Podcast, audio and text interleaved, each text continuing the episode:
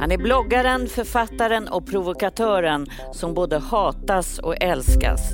Sedan tio år driver han en av Sveriges största poddar med sin vapendragare Sigge Eklund. Men det är först genom sina romaner som han har tagit sig ända in i kulturens verkliga finrum. Här är Alex Schulman. Carl Magnus Alexander Alex Schulman född 17 februari 1976. Han växte upp med pappa Allan som var legendarisk tv-producent av bland annat Hylands hörna och mamma Lisette som var journalist och så bröderna Kalle och Niklas. Alex morfar, den kände författaren och professorn Sven Stolpe, är en av karaktärerna i Alex roman Bränn alla mina brev, som också blivit film. Alex karriär tog fart när han blev känd som elak bloggare för snart 15 år sedan. Sen började han podda och tillsammans med Sigge Eklund driver han sedan 11 år tillbaka en av Sveriges största podcasts. Men erkänd och inbjuden till kulturens finrum blev han först när han som författare började skildra sin såriga barndom. Nej, det, jag, tror att det, jag tror att det är otroligt vanligt att man, eh, att man eh, vägrar sörja. Ett möte som förändrade Alex liv var när han träffade Amanda Videll som han nu är gift med och tillsammans har de tre barn. Hur ser han på beskrivningen av honom som elak? Och vad har den svåra barndomen gjort med honom? Och så undrar jag varför han så ofta beskriver sig som en loser.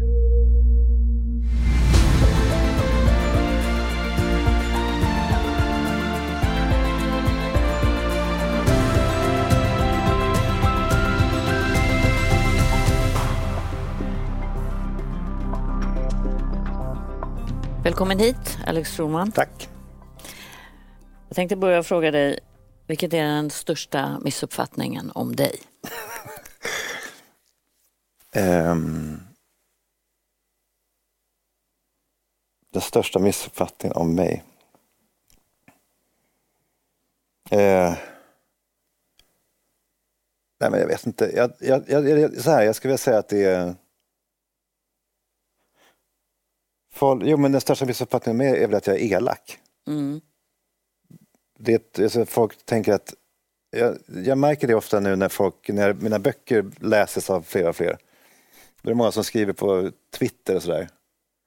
Ja, jag har inte så mycket över, övers till honom som person. Men gud vad han kan skriva böcker. Och då blir jag alltid så illa berörd av det. För jag tänker, vadå som person? Vad vet de om mig? Alltså, hur jag är som person? Ja, det finns en bild av att jag skulle vara mm, elak eller hård eller sådär. Jag tror att det finns en sån bild. Ja, det är en stor missuppfattning. Jag är ganska mjuk, tror jag. Var kommer den ifrån då, tror du? Nej, men den kommer ju från den kommer ju ifrån förstås att jag har varit i offentligheten länge och i början av den, så, den tiden så hade jag en blogg. Och den bloggen var ju liksom kändishäcklande kan man väl säga. Mm. Delvis. Sen så var det ju också andra saker men det, det är så man minns, det så man minns den, att den var den, eh, den uppfattades som att den var elak. Var den inte det ibland då? Jo, jo, jo. Ja, det var den, hela men, grejen. Absolut, den var ju, den var ju det men, men jag tyckte ändå att det fanns plats. I efterhand tycker jag nog att, det, att den inte var så elak. Och att det fanns, att det är viktigt att, att det finns sådana där röster som liksom sticker hål på liksom etablissemangets bubbla på något sätt.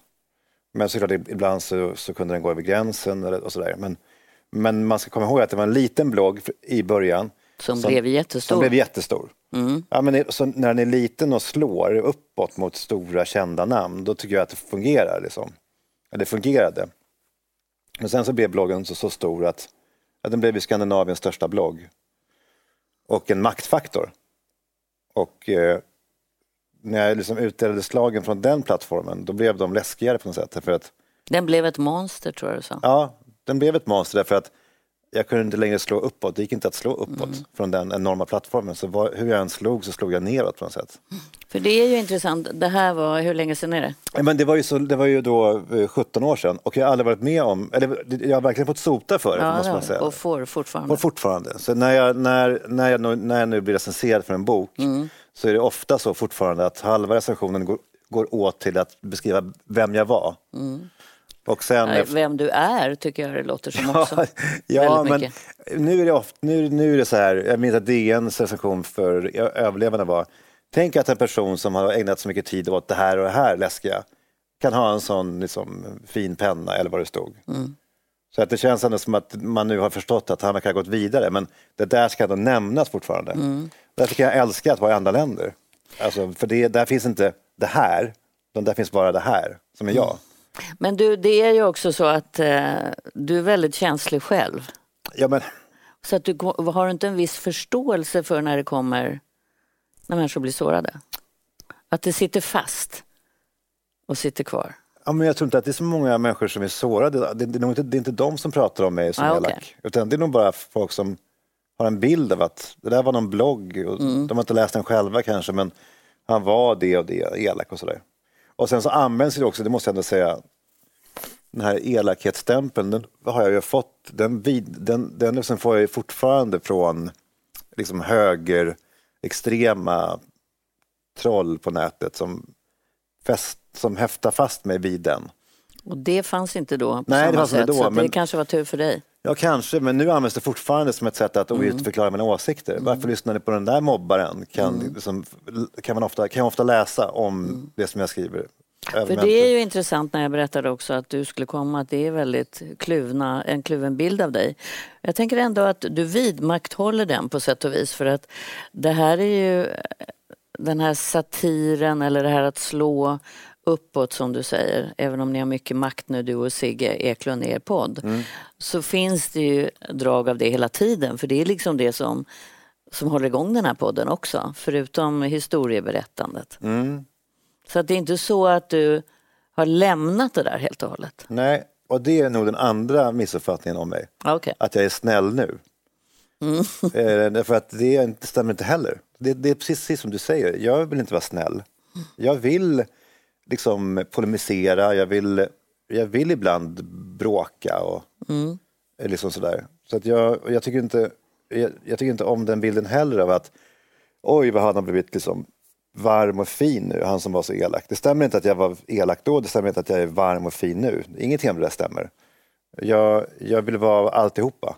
Liksom. För nu med den här cancelkulturen, har du börjat liksom försiktigt trippa runt nu och inte våga vara som du var? Nej, men jag orkar inte. Alltså, Jag orkar inte riskera, jag orkar inte bråka längre. Jag orkar inte göra, sådana där saker. Jag kommer ihåg när, jag kommer ihåg när, ja, men jag, jag, jag skrev ju om Notre Dame. Eh, när Notre Dame brann, då skrev jag en, ett Instagram-inlägg med texten Äntligen. Och I en kontext där Instagram fylldes av människor som ju verkligen var bestörta eh, över att eh, Notre Dame ha- hade brunnit. Ehm, då, då så, då, den reaktionen på det inlägget som ju var ett skämt var ju ett, eh, ett enormt, alltså jag fick Ja. över hundra dödshot. Och eh, det var liksom en läxa, jag tänkte sen i efterhand, är det, orkar, jag med, orkar jag med sånt här? Så då kanske du måste bli snällare nu? Ja, då jag vet tappar inte. du lite av det som är du på något sätt, i alla fall ditt professionella jag. Säkert, men, men men sen blir man också äldre. Jag tänker också att, alltså var inte du också liksom busigare som när, du var yngre? Mm. Jag tänker att det är också en del av att, bli, att, att, åld, att åldras och att vara förälder till tonårsbarn. Och man kan liksom inte stå på någon barrikad längre och skrika könsord utan jag tror att det är också liksom en rimlig väg att gå. Men har du inte hittat eh, en bra balans? Du kan berätta dina historier för du är en skicklig historieberättare i podden. Mm. Som man nu, jag har lyssnat på väldigt mycket. Det är tio år sedan eh, ni startade. Eller mer kanske till och med, ni är inne på elfte året. Mm. Och sen så har du Dagens Nyheter där du kan skriva om makten Mm. och kritisera makten. Mm. Och så har du dina romaner. Så det finns ju en balans i det här som är spännande. Ja, Men när man slutar tycka att du väcker känslor och du är spännande som person för att du är så motsägelsefull. Mm. Är du rädd för det? För då blir du liksom som en vanlig människa. Nej, men jag vill inte fundera över, det är så mycket, ska man, prata, ska man tänka på sig själv som en persona sådär, det är lite grann nästan, jag gör det så lite som jag bara kan, men ehm, men okej, men om, om jag nu ska göra det, tänka, om ni ska tänka på det så att om jag nu inte längre vågar gå hela vägen ut i liksom eh, bus och konfrontationer och sånt där, att jag då blir en slätstruken person. Så... Eh, är det värsta som kan hända? Nej men det är det väl inte. Jag skulle helst av allt vilja sluta skriva krönikor i DN. Eller skriva krönikor överhuvudtaget. Alltså, jag har inget emot DN. DN är ju en här, jättebra tidning som jag trivs på. Men, men eh, jag skulle inte vilja skriva politiskt längre. Känner du så? Ja, det, det, jag, varje vecka när jag skriver någonting politiskt och sen så rivs det upp saker och sen så får jag stå till svars och jag får städa upp. Framförallt om jag skriver om Sverigedemokraterna. Någonting. Då tänker jag, varför? Varför lägger jag två dagar i veckan på det här? När jag kan, för, för att, Vet jag liksom, jag, vill, alltså jag tycker att, och jag, därför att jag vet att, att kritisera makten, det gör andra bättre än jag.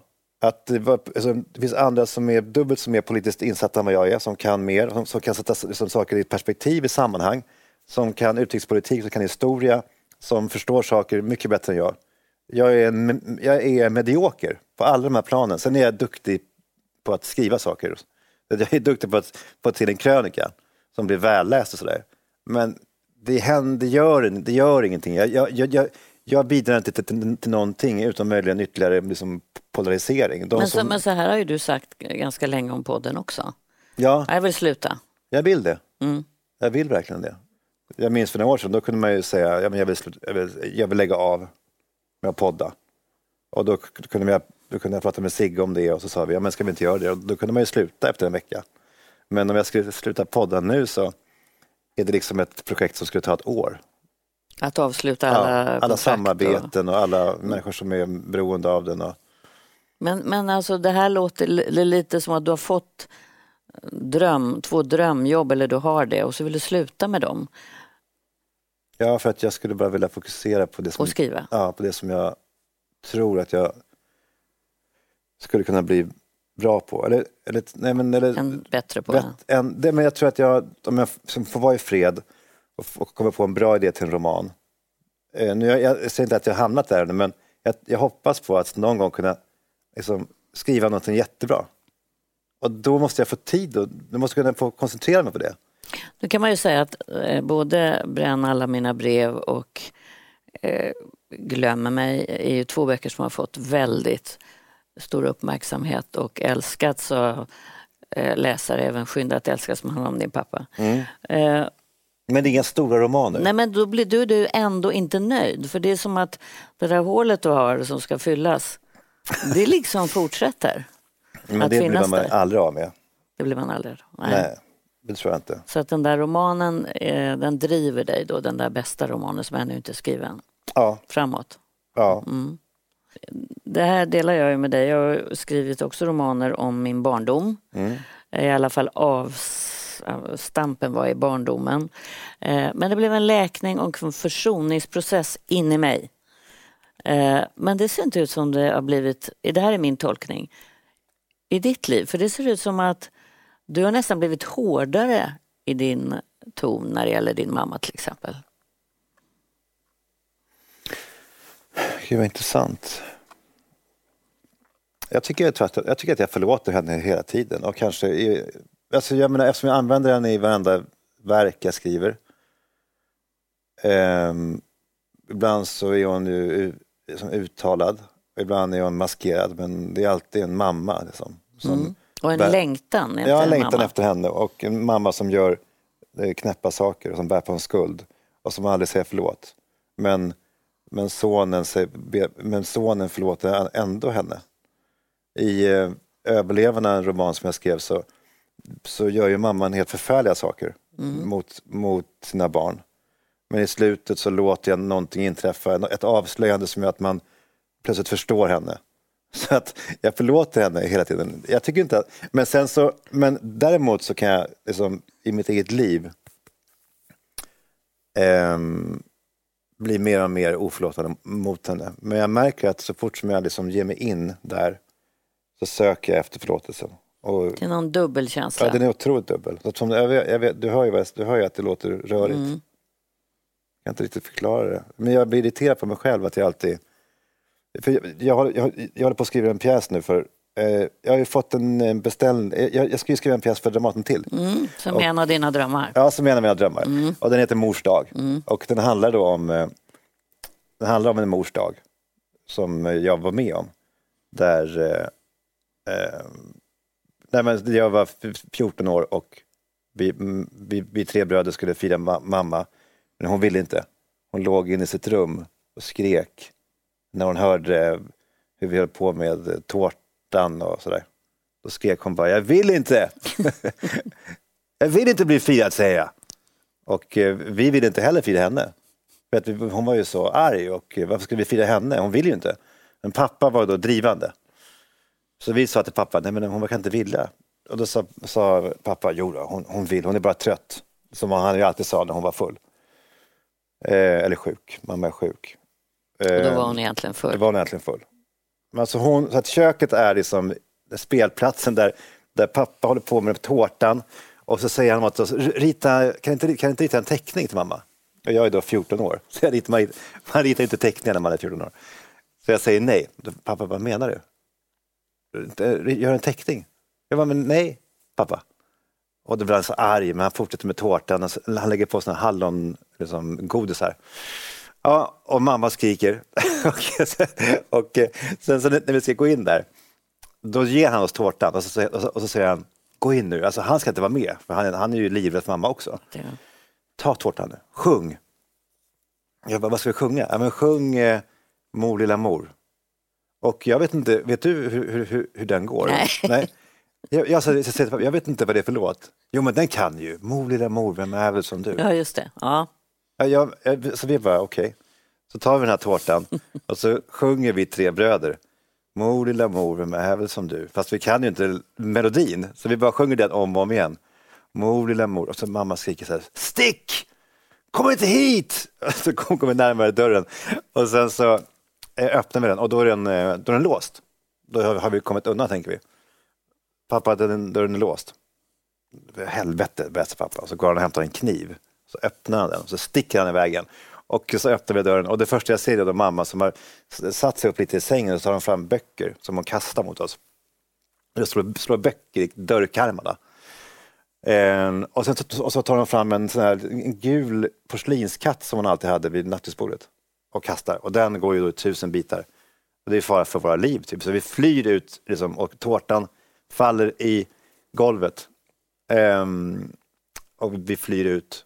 Ja, och då tänkte jag att det här minnet, för mig är det också ett humoristiskt minne. Det är så ja, galet. För man skrattar ju när du berättar, men det är ju helt ja, förfärligt. Det är, det är fruktansvärt. Ja. Men det är också liksom, eh, det är ju också roligt på, på, något konstigt sätt. Så att återigen så har, så har jag en mamma som ju har varit som har svikit mig i min barndom. Och det gång enda, enda jag håller på, på med är att förlåta henne om igen. Ja, Okej, okay, jag förstår. För att du har berättat så många scener som man nästan är outhärdliga att lyssna på hur en mamma kan göra mot sina barn. Och samtidigt så eh, har du försökt hitta förklaringar till varför hon gjorde som ja. hon gjorde. Jag eh. bara undrar varför kan inte bara, alltså det känns som att jag Ja, men när du säger att så här, du, du är hård mot henne så tycker jag att jag är mjuk mot henne. Okay. Du är både och tror jag. Ja, kanske. För att det, det, är ju så att eh, långt tidigare tillbaka ville du inte ens se att hon drack. Nej. Då ursäktar du det antagligen också som en medberoende ofta gör. Ja, ja, ja, men då fanns det inte. Alltså Nej. då var det ju, det var ju, det pratar vi inte om. Poddtips från Podplay. I podden Något Kaiko garanterar östgötarna Brutti och jag, Davva, dig en stor dos skratt. Där följer jag pladask för köttätandet igen. Man är lite som en jävla vampyr. Man har fått lite blodsmak och då måste man ha mer. Udda spaningar, fängslande anekdoter och en och annan arg rant. Jag måste ha mitt kaffe på morgonen för annars är jag ingen trevlig människa. Då är du ingen trevlig människa, punkt. Något kajko, hör du på podplay. Därför är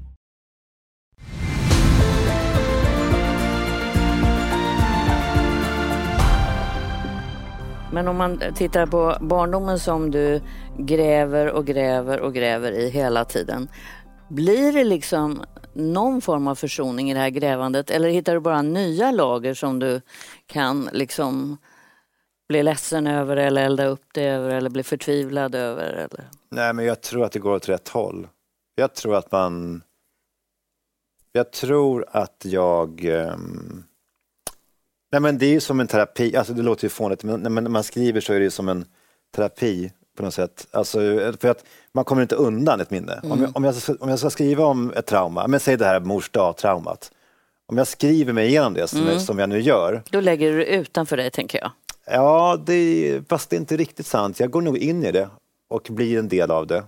Men när jag kommer ut på andra sidan, mm. då är det inte längre en del av mig. Då är det utanför mm, mig. Det, och det var lite, precis, okay, du, Då blir det lätt, kanske att du släpper det. Ja. Är du traumatiserad, skulle du säga det?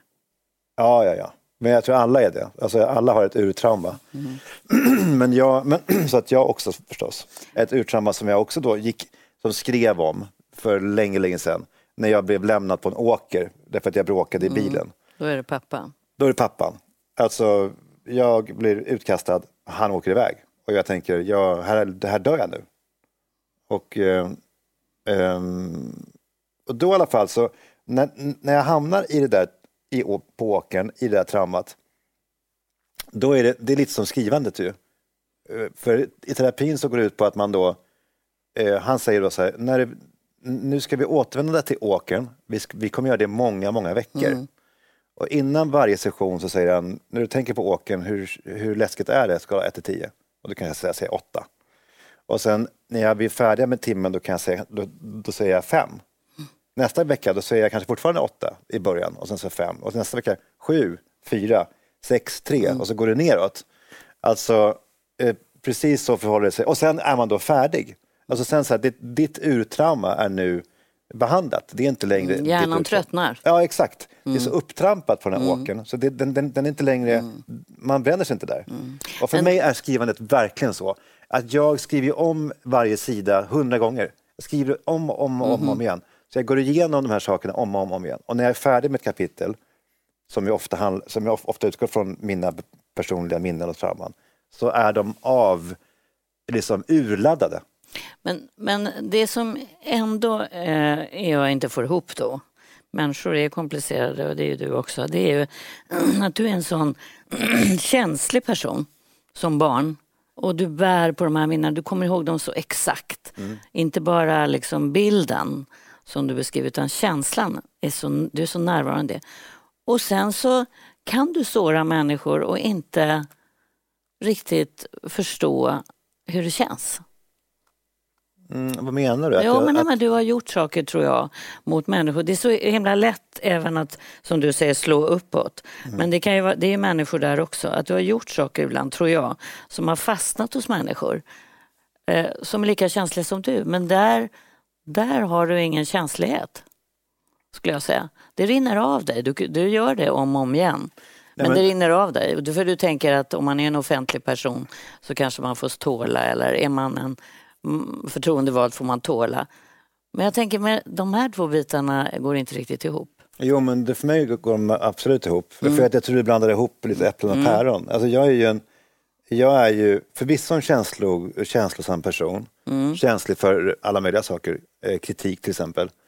Um, men jag är ju en offentlig person och i den offentligheten så uh, tål jag ju vad som helst. Det finns ju väldigt få som är så. Eh, kritiserade som jag. Så det fastnar inte så? Det är klart att det, att, att, att det ibland fastnar men jag accepterar detta. Mm. Jag är en del av offentligheten. Jag är ute och bråkar mm. och eh, jag får, jag får ta att massor med människor tycker saker, säger saker, mm. kallar mig saker. Liksom, det eh, accepterar jag. Jag skulle aldrig komma på tanken att liksom, motsätta mig och säga att det där är inte okej, okay, det, var, det var oschysst eller elakt. Mm. Utan jag är här och jag utdelar slag och jag tar emot slag jag måste ändå säga att det där är viktigt för mig att, att absolut, jag, är, jag, kan vara, jag kan vara känslig men jag accepterar spelreglerna. Men för, för, det är därför som jag vill liksom, man kan, man kan säga att jag är lättkränkt och det använder jag ju också så mycket som innehåll när jag pratar mm. om, om mig själv. Det är roligt Du är en ju. underdog i dina berättelser. Ja, verkligen. Vilket är väldigt roligt. Ja, det blir ju det. Och, och där utsätter du, jag tänker att du närmar dig de här stora kulturmännen ofta. Eh, eller ja, vi kan ändå säga Jan Guillou kommer hem på middag och eh, så berättar du scener. Eh, då, om vi tar Jan Guillou till exempel, det är en väldigt intressant scen där eh, framförallt är det Amanda som inte riktigt eh, tycker att det här är trevligt. Nej, Hon Vad händer? ruttnar. Nej, men det som händer är att, men alltså jag, jag, det som händer är att han, eh, vi, vi äter middag hemma hos oss och då har, vi har ju barn. Det är inte så att vi skickar iväg barnen när vi har middag utan de lever ju i, det här, i den här lägenheten. Så att eh, de, får man ju räkna med att barnen ibland kommer in i köket. De är också väldigt väluppfostrade i de här lägena. Vi säger åt barnen att vi har eh, middag. Så kom inte in och skrik och busa utan försök vara snälla.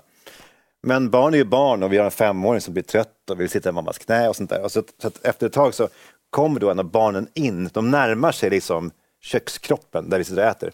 Och varje gång som barnen kommer in då, då, då så liksom kastar Jan ner besticken i tallriken. Och då säger Ann-Marie, som är hans fru, vad, vad är det Jan? Och då säger han, eh, jag, jag, jag, fortsätter berätta när barnen har gått.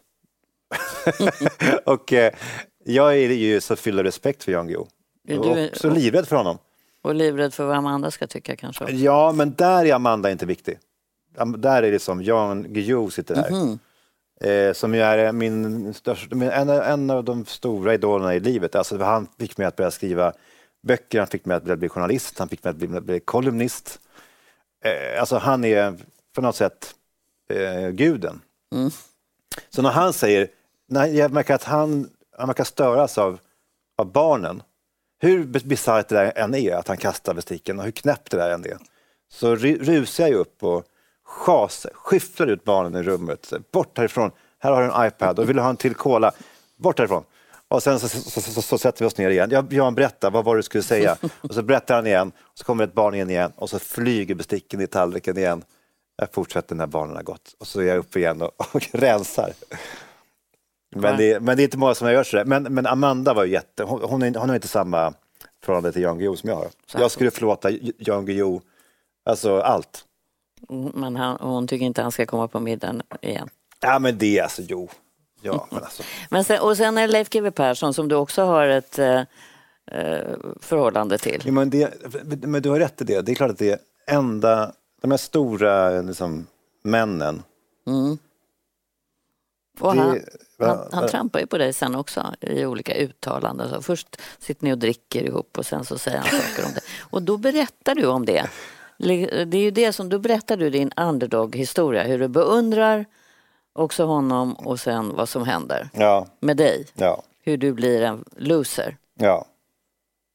Så är det väl. Varför gör du det? Varför tycker du om den berättelsen? Nej, men jag tycker att den berättelsen egentligen är feg. Men, eller, jag har mer och mer liksom, förstått, jag har mer och mer känt att jag skulle vilja bli av med den lite grann. Det så- vill ju inte Sigge för han tycker det är en del av er podd. Ja, men det är väl det också. Ja. Men jag tycker att den är, liksom, den är enkelspårig och lite, lite feg. Den känns ibland som en pås och man vill vara, man vill vara, man vill vara, man vill vara på riktigt. Det fanns ju en tid faktiskt när du inte blev insläppt här, kommer jag ihåg. När du hade hängt ut en hel del eh, programledare. Men du Ja, men blev faktiskt insläppt här hos mig för att jag var väldigt nyfiken på dig. Nej, men det, det, det, det, he- det hedrar dig, därför att du var väl den enda tror jag på TV4-huset som ändå inte blev helt galen av ilska. Du Och hoppade ju nämligen på, hängde ut mig också fast jag tyckte det var lite kul för sig. Ja, Det jag gjorde var att jag, jag, fake, jag skapade en, ett e-postkonto som hette TV4 Sverige. Mm. Och då kunde jag då skapa kontot malou.fon.sivers.tv4sverige.se Mm, och mejla i inte- ditt namn. Och eh, då så, alltså för, hum, för att skapa humor. Mm. Det var ju inte för, att vara elak eller för att lura någon på pengar. Så det var mest för att, liksom att skapa roligt innehåll. Nu skriver Ma- Malou von Sivers någonting så här. Och då minns jag att eh, det var ju, Steffan Törnqvist var ju helt galen. Vi sparade länge hans eh, telefonsvararmeddelanden när han skulle stämma oss och han var så arg. Eh, och alla var sura. Till mig var det att du skickade tror jag till en recensent och undrade på Expressen och undrade varför han inte skrev bättre eh, recensioner om mig eller överhuvudtaget uppmärksammade mig mer. Ja men håll med om att det ändå finns någon... Det tyckte finns, jag, ja, men jag tyckte det var rätt kul. Sen var det en smarta medarbetare som eh, upptäckte det där, Sweden. Ja just det. Men eh, innan dess, eh, för det, det kändes ju, det där har jag ju aldrig, skulle aldrig göra. Det är det mest förbjudna som Och finns. jag skrev ju till honom också då. Jo, men, jo, men jag, jag, jag måste ändå säga det, och det är därför som jag har haft så, stor respekt för dig genom åren, att jag tyckte du hanterade det så himla så himla bra. Att du, liksom, du, du, du inte var så stängd som alla andra. Det, det, det är klart att det kan vara läskigt att få sitt namn som, som kapat, men vi var ju väldigt öppna med det här har vi gjort och sen så hörde vi av oss till alla mm, efteråt. efteråt och sa att det här, det här var ett skämt, mm. så ingen skada kunde ju vara skedd. Liksom. Mm, men det, den skadan kan inte du bedöma vad folk kände. Vad du menar de utsatta ja, kände? Ja, Nej. Det kan man ju aldrig göra. Du, jag, jag, tänker också på eh, din barndom som inte bara var eh, eländig och eh, traumatisk. Det fanns ju ljusa stunder och år och de är så ljusa så att du har skapat en eh, miniatyr av din barndom, ditt barndomstorp. Eller ja. är det inte därför du har gjort det? För att det finns någonting ja, vackert i det där torpet och det som händer där också? Ja, jag antar att det är lite Rosebud alltså. Alltså någon typ av ur, alltså barndomens urkärna, alltså en lycka som fanns där innan allting gick åt helvete, mm. tror jag. Litet paradis. Ja men precis, och jag hade bett en, alltså, jag såg den här Knutby-dokumentären, jag vet inte om du såg den. Mm. Ehm, och då hade de byggt upp eh, Knutby i miniatyr. Mm. Så jag använde det vignetten så kunde de stå där och öppna på taket och här gick hon och sådär. Och jag tänkte bara så snyggt. Och då ringde jag henne och sa, hon heter Anna Erlandsson och hon är, hon är jätteduktig. Så skulle, skulle du kunna göra mitt torp? Mm. Och, då så, och då började då ett projekt som var helt otroligt, som jag haft så kul med. Där, hon, där vi mejlar varandra jättemycket och eh, det är olika vinklar. Hon är så noggrann och jag är så noggrann för att om det inte är exakt så, så som, det, som, som jag minns det, då är det inte längre intressant. Så, men, alltså, jag kan visa dig om... Mm. Jag, jag, fick nu alldeles Det nu. låter dyrt. Ja men det här är ju en sån här grej som man, alltså en kostnad som ju är oförsvarbar. Det måste man väl säga. Var ska men, det stå då hemma i lägenheten? Tror du Amanda vill det? Nej, det tror jag inte. Men, men, det ska stå där så att du kan gå dit och klappa på torpet? Det är tanken. Här i alla fall. Mm. Här, här är torpet. Mm. Här är stentrappan där vi alltid satt. Och det här finns ju väl dokumenterat i dina romaner. Ja, överlevarna börjar ju med tre vuxna mm. män som sitter på den där stentrappan. Mm. Och här, eh, uppe i det här sovrummet, där börjar Glöm mig, för där, där ligger mamma och sover. Mm. När vi kommer den här eftermiddagen för att hon håller på att supa ihjäl sig. Och där mors scenen är väl utspelar sig? Den är också här. Mm. Eh, Så har, fanns det en lada? Jag ska visa ladan. Här, här är ladan. Här, är liksom, här kan man också se, jag vet inte om du ser det, men här är pingisbordet som vi hade. Och alla år så låg det ett pingisracket här. Det, det håller de på att göra nu. Och så kommer det att ligga ett pingisracket som någon kastade upp där på taket 1983. Ja, det är så kul. Ett poddtips från Podplay. I fallen jag aldrig glömmer djupdyker Hasse Aro i arbetet bakom några av Sveriges mest uppseendeväckande brottsutredningar går vi in med hemlig telefonavlyssning och, och då upplever vi att vi får en total förändring av hans beteende. Vad är det som händer nu? Vem är det som läcker? Och så säger han att jag är kriminell, jag har varit kriminell i hela mitt liv men att mörda ett barn, där går min gräns. Nya säsongen av Fallen jag aldrig glömmer på Podplay.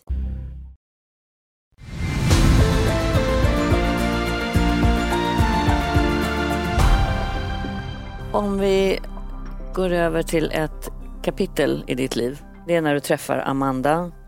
Och eh, då händer ju någonting eh, som du säger är det mest avgörande i ditt liv. Ja, det som händer är ju att hon... Eh, eh, men det är hon som får mig att eh, förstå att mamma dricker. Utan henne hade det där aldrig hänt. Och det är hon som, alltså hon är ju liksom, det är ju lite som, den, du vet, den här idén om att man har ett det är ett skådespel med massor med skådespelare som kan sitt manus, som går upp och gör den här liksom, grejen varje kväll. Så var det liksom mellan eh, mig och mamma och mina bröder och mm. om, omgivningen. Vi vet vad vi står på scen, vi vet, vi vet våra repliker eh, och allt det här funkar. Det är förljuget men det är liksom det funkar. Och så kommer in en ny, en ny skådespelare som har ett nytt manus, Amanda som, som säger så här, men så här kan det inte vara, hon står på en ny plats och alla, alla andra som på den här scenen blir helt konfunderade. Och det Amanda då säger till mig, men någon gång, du vet, vi skulle ses hemma hos Gunny, alltså Amandas gamla mormor, eh, Gunny Videll, på en jullunch, mamma skulle med. Och då sa jag, finns det snaps där? Eh, he- he- hemma hos Gunni? Eh, Det vet jag inte. Jag, kan, jag kanske ska köpa snaps till Säger mamma. du? Ja. Och Amanda, "Va- varför ska du göra det? Jo, mamma, mamma, måste, mamma vill gärna ha snaps. Och jag måste nog köpa den nu för att jag måste kunna kyla den i frysen. Och då så säger Amanda, hon bara, det här är helt knäppt att du som håller på och planerar och att du är liksom behjälplig med din mammas drickande. Förstår inte du att hon är, att, att hon är alkoholiserad? Och då, och, då, och, då, och då är det så här, det är verkligen så här, en ny person på scen som säger saker som inte, som inte står i manus. Och jag blir galen, för jag, jag, jag har det här manuset och det funkar så bra. Och så, det blir liksom jättemycket tumult mellan mig och och Amanda fram tills det att hon eh, får mig att förstå att jag har rätt efter en, en kväll där min, där min mamma barnvaktar min dotter och det, det blir inget bra. Och eh, För hon är full nu är full. och och det är en tvååring hemma. Ja. Och eh, Amanda liksom gråter, jag, och jag gråter och efter den gången så, ja, men så hände två saker. Dels så går jag i terapi för första gången i mitt liv.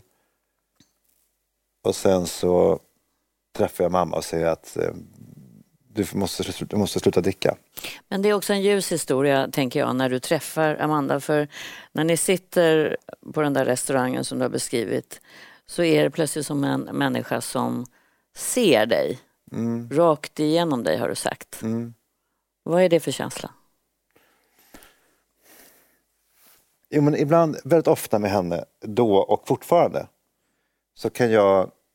Så är det som att hon vet saker om mig och jag vågar inte fråga vad det är hon vet för att jag vet inte om jag vill veta svaret. Alltså, det känns som att hon känner mig bättre än vad jag känner mig själv. Ehm, och, eh, för, men vi är också väldigt, vi är väldigt besläktade, jag och Amanda. Hon är också eh, mellanbarn eh, dotter till, ja, men uppväxten i en, uppvuxen i en gränslös familj. Eh, lite så här i, i skuggan, en, den här diplomaten som försöker läsa av rum. Så vi är väldigt, vi är väldigt mycket, både, både jag och hon, iakttagare. Och där, där, därför så hittade vi nog varandra väldigt snabbt. Men samtidigt då så har hon den här blicken, ja, men jag känner bara att hon är liksom klokare än vad jag är, som att hon har levt 30 år till nästan. Det, det känns när vi är där första, eller andra mötet, när ni möts ordentligt på den här restaurangen, att det blir djup kärlek. Ja, verkligen. Och samtidigt så är det något farligt med henne. Alltså någonting, det är någonting... Ja, jag tycker hon... Jag, jag minns att jag var väldigt rädd för henne också för att hon... Hon skrämde mig faktiskt. Men, men För hon var ju så... skrämde dig? Nej, men jag ska inte För att säga hon kan skräm- lämna dig? Ja, men dels, dels så, är det ju alltid den skräcken. Jag minns hur glad jag var när hon blev gravid bara efter tre veckor. Mm, nu har jag henne. Nu har jag henne. Nu är det svårt för henne. Nu kan hon inte, eller kanske hon kan, men mycket jobbigare för henne att lämna mig.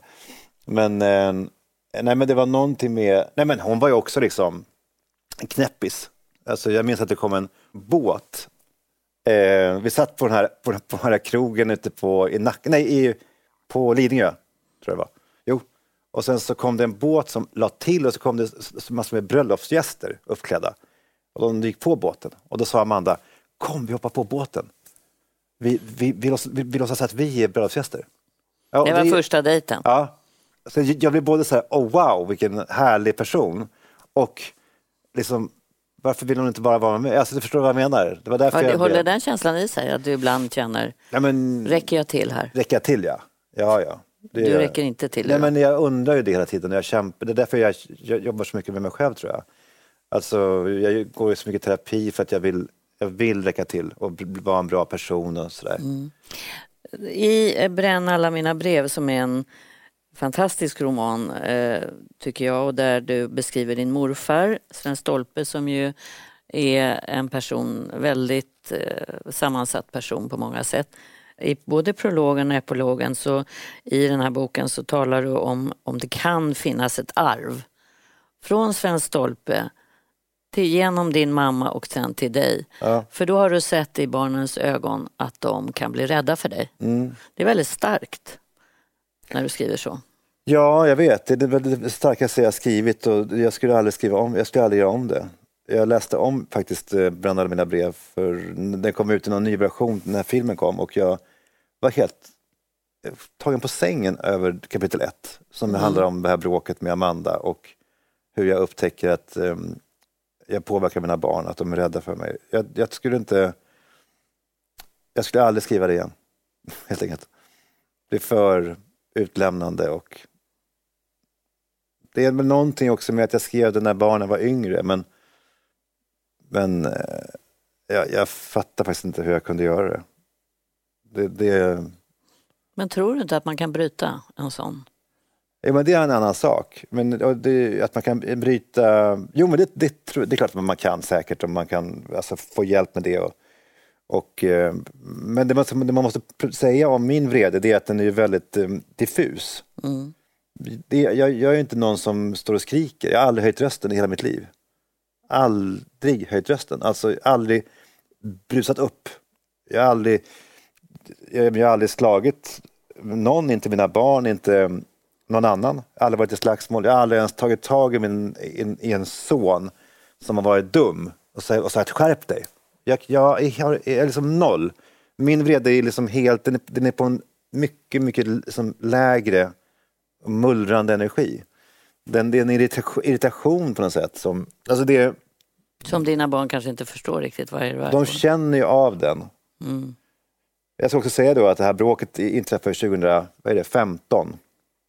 Att mycket vatten har runnit un, un, under broarna. Och jag har liksom jobbat, jobbat med det där. Alltså jag vill bara inte att du, att du, eller någon som tittar på det här programmet ska tro att jag är någon typ av monster och att mina barn är i något fängelse hemma. Utan det, det, det finns hos mig, har jag märkt, en, en ständigt pågående, som en dieselmotor av en irritation som jag avskyr mig själv för. Mm. Som, jag, som jag vill bli av med. Inte bara för min skull utan också för mina barns skull och för de andras skull. Och det här kämpar jag med och jag liksom har blivit bättre och jag har blivit av med det. Så kommer det tillbaka och då är jag där igen. Eh, men det är liksom inget skräckvälde. Men, men däremot så är det någonting som ständigt påverkar. Och jag mm. tycker inte om att jag, att jag har det där. Och kanske att du ger uttryck för något som många känner men inte vågar berätta om. Du menar att andra också ja. har, det där? Ja, sä ja, säkert. Du, eh, en person som eh, många undrar kanske över vad du har för relation till är ju Sigge Eklund. För man kan ju höra er, eh, man kan följa hur er relation utvecklas.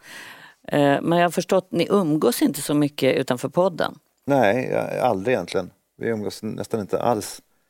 Och det beror inte bara på att vi ehm, eh, det beror inte bara på att vi eh, bor ifrån varandra, han bor ju i LA. Utan vi bor ju på Gotland hela somrarna. Mm. Vi borde ju sett, kunna ses, ses varje dag. Mm. Men det gör vi inte. Det tror jag är, eller det är ett beslut från Sigge, inte från mig. Alltså han, har, han har inte det behovet. Det, det slutar allt, varje sommar slutar alltid med samma sak, att vi har bjudit på tre, fyra middagar. Och, och han kommer, de kommer inte? Då, jo, då kommer han. Aha. Men eh, han bjuder inte tillbaka och eh, han håller sig på sin kant. Vi skriver, jag skriver ett sms, ska vi ses på någon strand? Och eh, så säger han, nej vi har lite andra planer. Blir du ledsen? Så, va? Blir du sårad? Jag blev det faktiskt i början. I början, alltså för mm, några år sedan, då, då, kände jag att det var en obalans och att jag var, då var jag ledsen. Men nu är jag inte det. Nu, nu så har jag förstått vad han, liksom, jag har förstått vem han är och jag älskar honom ändå. Och jag är, jag, det är inte alls så att jag går runt och är sårad över det. Mm. Men det kommer inte avsluta podden, i alla fall inte nu låter det som. Nej, men däremot så kan man ju hoppas att, att när podden väl avslutas att vi då skulle kunna, för Kom. vi var ju bästa vänner. Mm. Eh, vi var det. Eh, och sen så började vi podda och sen så blev podden vår enda... Det är också någonting med att här, man, vill, man vill vara ren till poddsamtalet och därför så avstår man mm. att prata, prata med varandra. Det var nog det som gjorde att det började liksom, att vi började skilja oss lite. Mm. Att vi sparade oss till podden och sen så har det liksom varit på den vägen. Så när vi slutar podda, då kanske, då kanske vi kommer tillbaka till varandra. Mm. Sen är det intressant hur du hinner hitta dina historier mellan poddarna. Kan man ju undra, men du använder saker som händer så det här kanske också blir någonting i podden, inte vet jag. Det, ja, men jag, jag funderar på det under den här, under den här Hela tiden? Ja. Någonting blir det. Lyssna på fredag. Men du, är, eh, är det någonting som jag har missat tycker du? Nej, men kan man ens... Alltså, ett sånt här samtal, man är ju om, det är som att man är, en, är i en torktumlare. Ehm, Så jag kan liksom inte, jag har ingen som helst överblick över någonting som jag har sagt. Får släppa kontrollen. Ja, Tack för att du kom hit. tack.